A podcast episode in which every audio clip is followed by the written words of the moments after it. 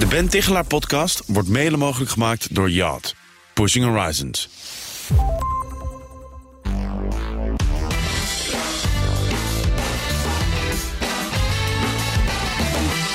Schiet het ook wel eens door jouw hoofd?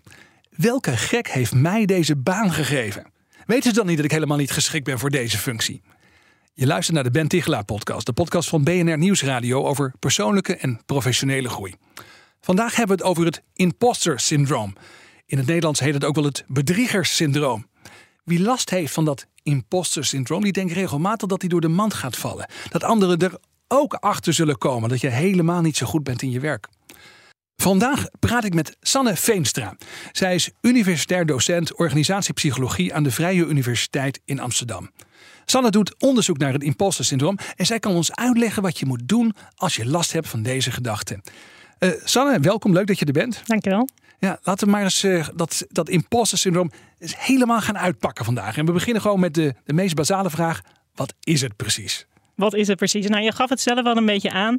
Uh, het imposterfenomeen, zoals ik het vaak noem, um, heeft ermee te maken dat je het gevoel hebt. Dus het is een soort onzekerheid die je hebt, omdat je denkt dat je competenter overkomt dan je daadwerkelijk bent.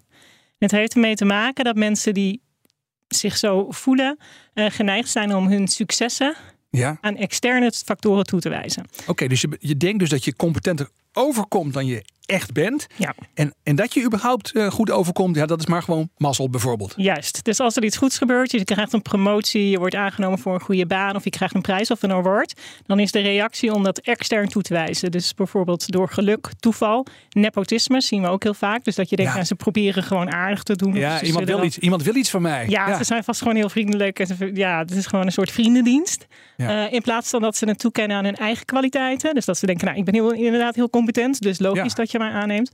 Um, en daardoor zijn ze dus bang dat ze door de mand gaan vallen. Dus omdat er die discrepantie is tussen wat ze van zichzelf vinden en wat zij denken dat die ander van hun vindt, ja. zijn ze bang dat die ander op in aanzienbare tijd toch zal gaan ontdekken. Ja. Dat zij inderdaad niks kunnen en dat ze dus door de mand zullen vallen. Dus het is een beetje die angst. Ja, ik snap wat je bedoelt inderdaad. Ja. Nou zeggen we meteen al, zeggen we ze.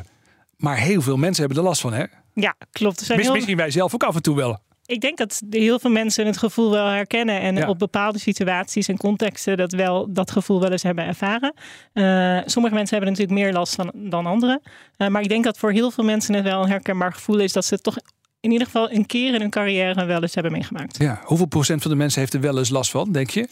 Het is een beetje moeilijk te zeggen, want er zijn nog niet hele goede representatieve studies naar gedaan. Maar de cijfers die rondgaan, wordt vaak genoemd 70% okay. van de mensen hebben dat gevoel wel eens. Maar dus geen, geen hard cijfer, maar nee. het is wel, je zou zeggen, je kunt met veiligheid misschien wel zeggen, met, met enig vertrouwen, het is waarschijnlijk wel meer dan de helft. Dat denk ik ja. wel, ja. ja. Ik geef ook veel workshops en lezingen over het onderwerp. En ja, ik heb wel het idee dat er veel mensen het gevoel inderdaad herkennen. Ja, zeg, wat is nou het verschil met iemand die gewoon weinig zelfvertrouwen heeft? Is dat hetzelfde of is dat iets anders? Of heeft het met elkaar te maken? Het heeft wel met elkaar te maken. Dus het is wel zo dat mensen die laag zelfvertrouwen hebben ook eerder geneigd zijn deze impostergevoelens te hebben. Maar het is duidelijk iets anders. En dat heeft ermee te maken dat een laag zelfvertrouwen, dan is het beeld dat je hebt van jezelf. Ja. En wat jij denkt dat anderen van jou hebben, hetzelfde. Oftewel, ik vind mezelf stom. Ik denk dat andere mensen mij ook stom vinden. Ja, ja, ja. En het gekke met dit impostergevoelens is dat er dus die discrepantie is. Dus ja. het is een beetje paradoxaal. Dus anderen vinden jou niks. geweldig en je vindt jezelf... Ja. ja, of ik denk dat anderen mij geweldig vinden, maar ik vind mezelf niks. Dus het is vooral die discrepantie waar het hier om gaat. En daardoor heb je dus het gevoel, oeh, ze gaan dat ontdekken. En dat heb je natuurlijk bij laag zelfvertrouwen minder. Want ja, je denkt al dat iedereen jou stom vindt. Dus, dus er is dat, die, dat aspect van door de mand vallen is hier echt anders dan gewoon laag zelfvertrouwen. Ja, ja. Zijn er ook bekende mensen of historische figuren waarvan we weten dat ze er last van hebben gehad? Ja, zeker. Dus de laatste 10, 20 jaar is er heel veel aandacht weer gekomen voor dit fenomeen.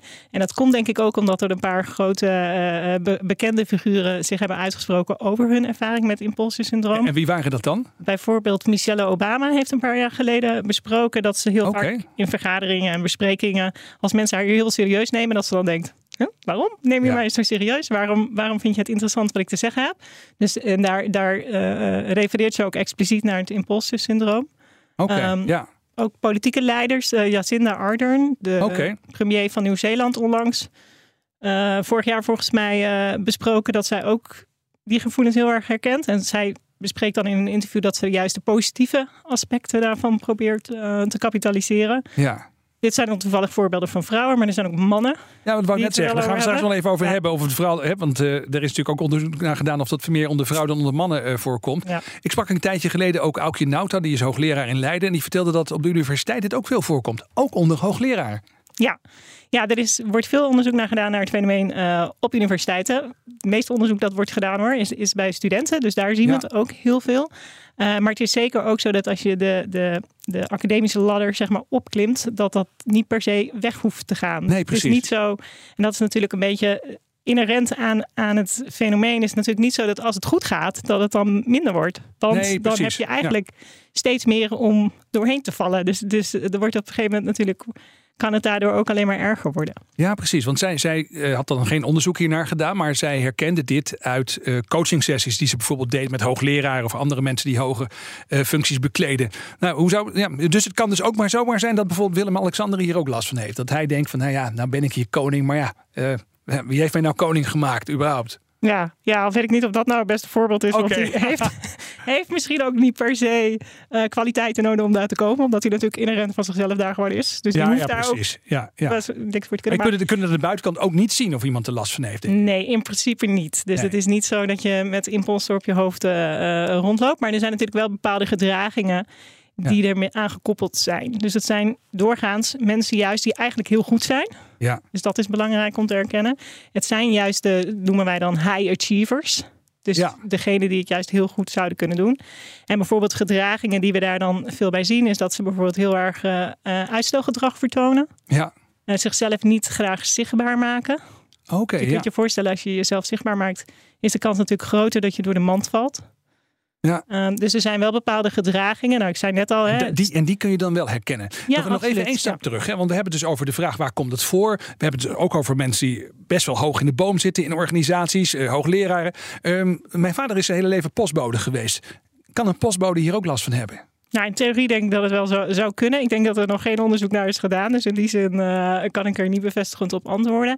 Maar het is natuurlijk wel. Er is wel veel onderzoek gedaan, wat ik zei. Dus bij studenten veel, maar ook Ja. wel verschillende eh, werkgroepen en verschillende sectoren. En dan zien we het in heel veel verschillende le- sectoren. Dus van accountants tot leerkrachten tot managers. Dus je hoeft niet per se een hoge functie te hebben. Het kan ook zijn als je een hele gewone baan hebt, dat je nog steeds denkt, jemig, eh, maar ik kan het eigenlijk helemaal niet zo goed. Ja, is wel waar, maar je ziet het wel vooral bij hoge statusberoepen Oké, ja. Of ja. hoge statusorganisaties. Dus, Dus, waar vooral van de buitenkant naar wordt gekeken van nou, die zijn goed of die is lekker maar bezig. Wat. Dat is maar wat. Dan, dan is het heel geneigd om, eh, om, om, om je zo te gaan voelen.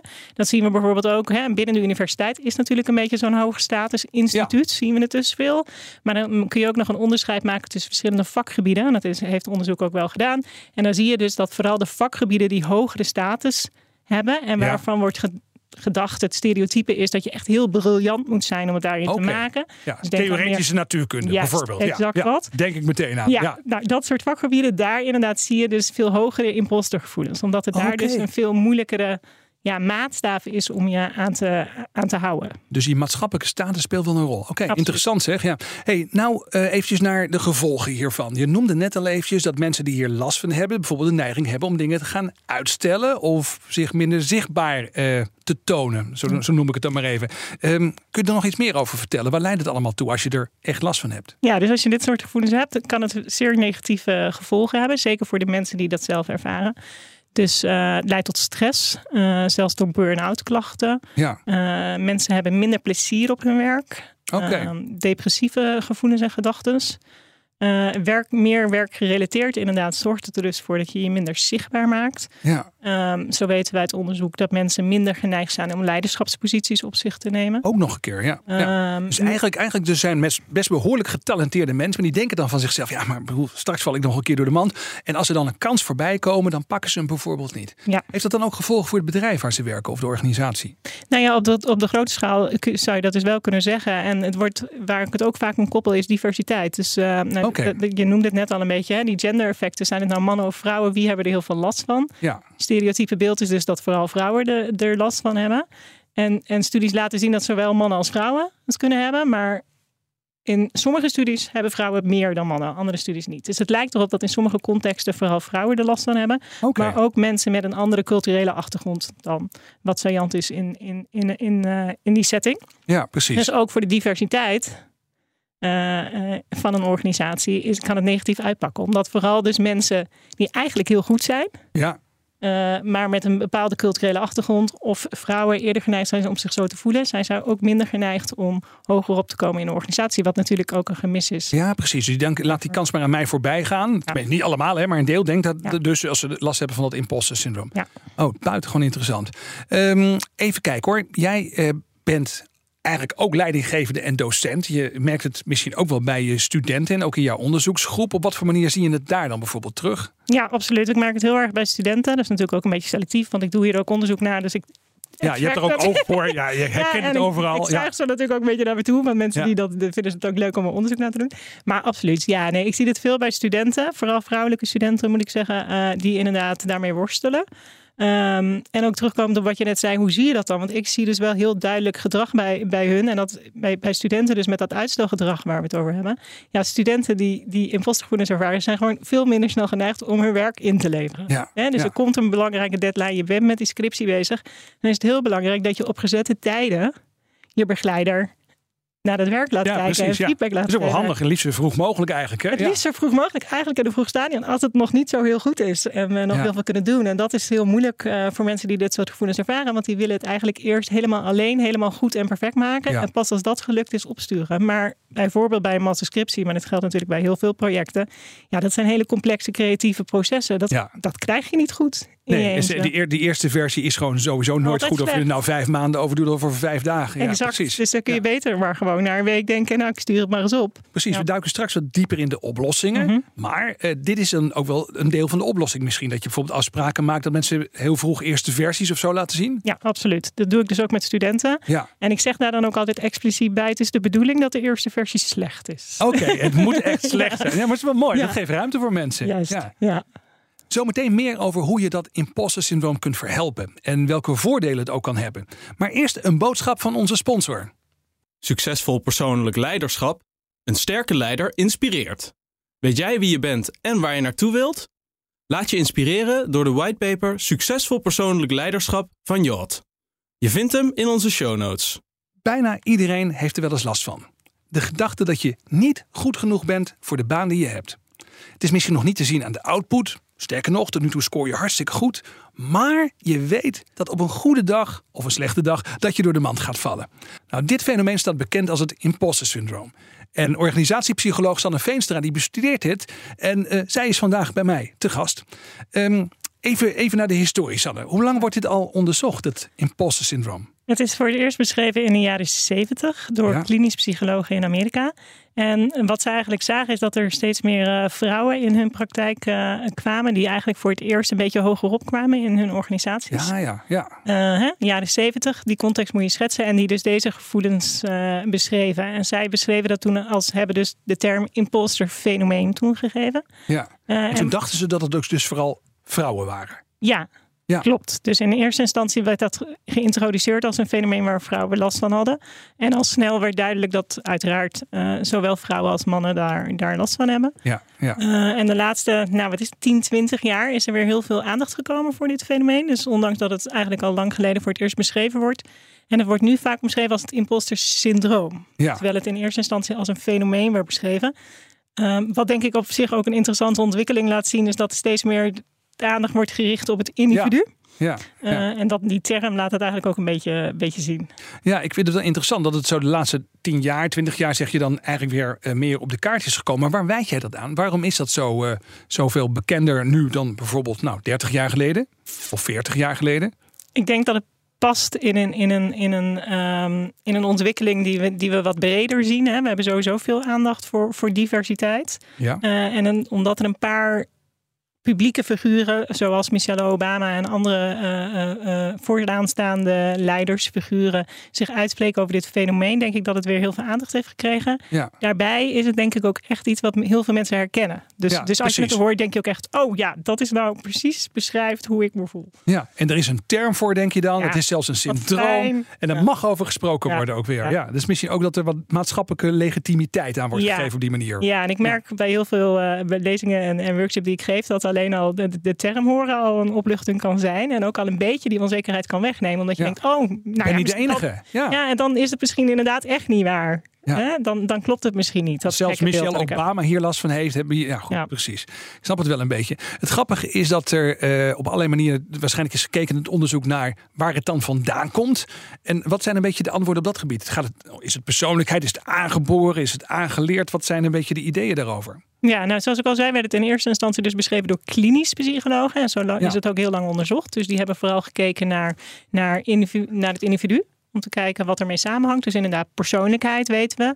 Eh, eh, een persoonlijkheidskenmerk neuroticisme hangt er bijvoorbeeld erg mee samen. Dus Ja. mensen die emotioneel wat instabieler zijn, wat sneller van hun stuk zijn, zijn mensen die ook eerder geneigd zijn zich als impulsors te voelen. Ja. Er is ook veel onderzoek naar gedaan naar echt wat er in je vroege jeugd gebeurt. Dat noemen we wel attachment styles, zo hechtingstijlen die je hebt Ja, met je ja. ouders. Ja. Opvoedstijlen van ouders. Dus dat zijn allemaal dingen die, die van oudsher veel onderzocht zijn en belangrijke eh, voorspellers blijken voor of mensen zich op latere leeftijd impulsors gaan voelen. ja, wat moet je nou vooral niet doen dan in de opvoeding? Ehm, er zijn een paar dingen. Je moet, eh, die, die hechting moet dus heel ehm, eh, veilig zijn. Dus je moet Ja. goed reageren op de needs, de behoeftes van al hele jonge kinderen.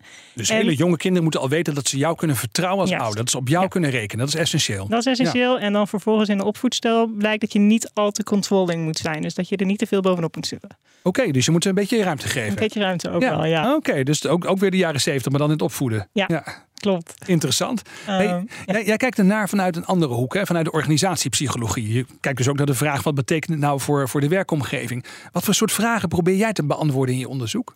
Ja, helemaal, helemaal juist. Dus, dus wat er voor, tot dusver vooral naar gekeken is, dus wat zijn die individuele kenmerken die voorspellen of iemand zich impulsgevoelens als een imposter voelt. Ja, En, en wij proberen echt iets anders te doen en dat is kijken naar de omgeving waarin mensen zich bevinden oké. op het werk. Dus allemaal factoren in die werkomgeving. Ja, in die context. Wat zorgt er nou voor dat jij je als een imposter gaat voelen? Dus iets minder, de individu neemt de impostergevoelens mee naar het werk. En iets meer, ik ben nu op mijn werk en daar is een context gecreëerd waardoor het eigenlijk heel logisch is dat bepaalde mensen zich als Ja, dat ze daar last van gaan krijgen, precies. En we weten inmiddels, hebben we al besproken daarnet, dat het voor de werkomgeving of voor de werkresultaten eigenlijk niet goed is. Hè? Dus dat is alleen interessant. Maar wat, wat zijn dan die dingen in die werkomgeving die dat eigenlijk versterken, dat impostergevoel? Nou, het een eerste eh, project waarin we daarna gekeken hebben, is heb- hebben we gekeken naar vrouwen die eigenlijk al op hele hoge posities zijn gekomen. Dus die Ja. al machtige posities hebben.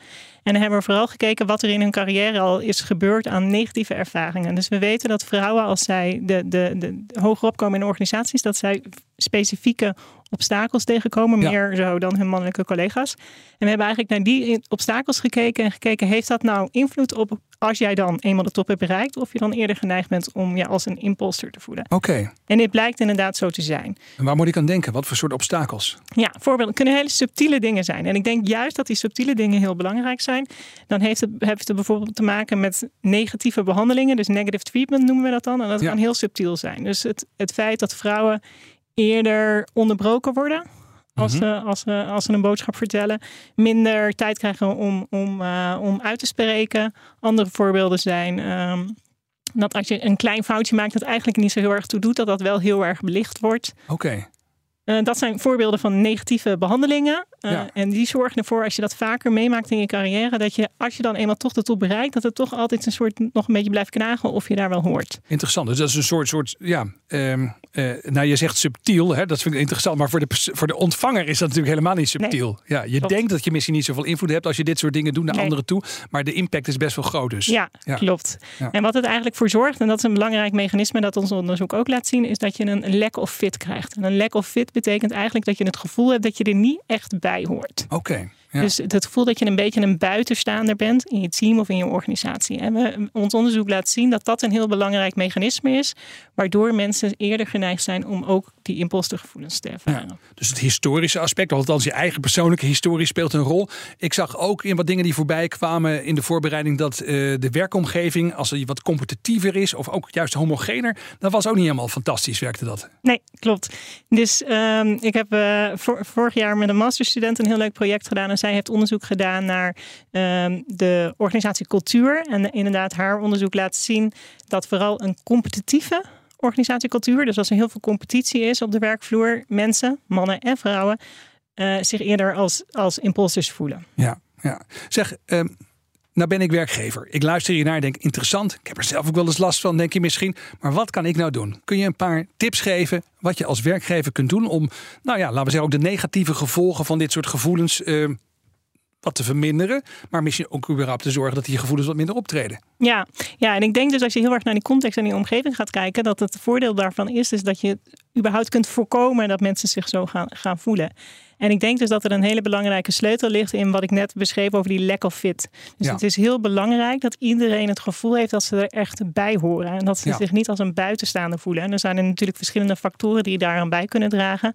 dus dat je, ziet dat er andere mensen, uh, dezelfde mensen als jou, jou daar zijn. Maar ook als, als leider kun je er natuurlijk voor zorgen dat je iedereen in je team het gevoel geeft dat zij er inderdaad bij horen en dat zij part of the team zijn. Ja.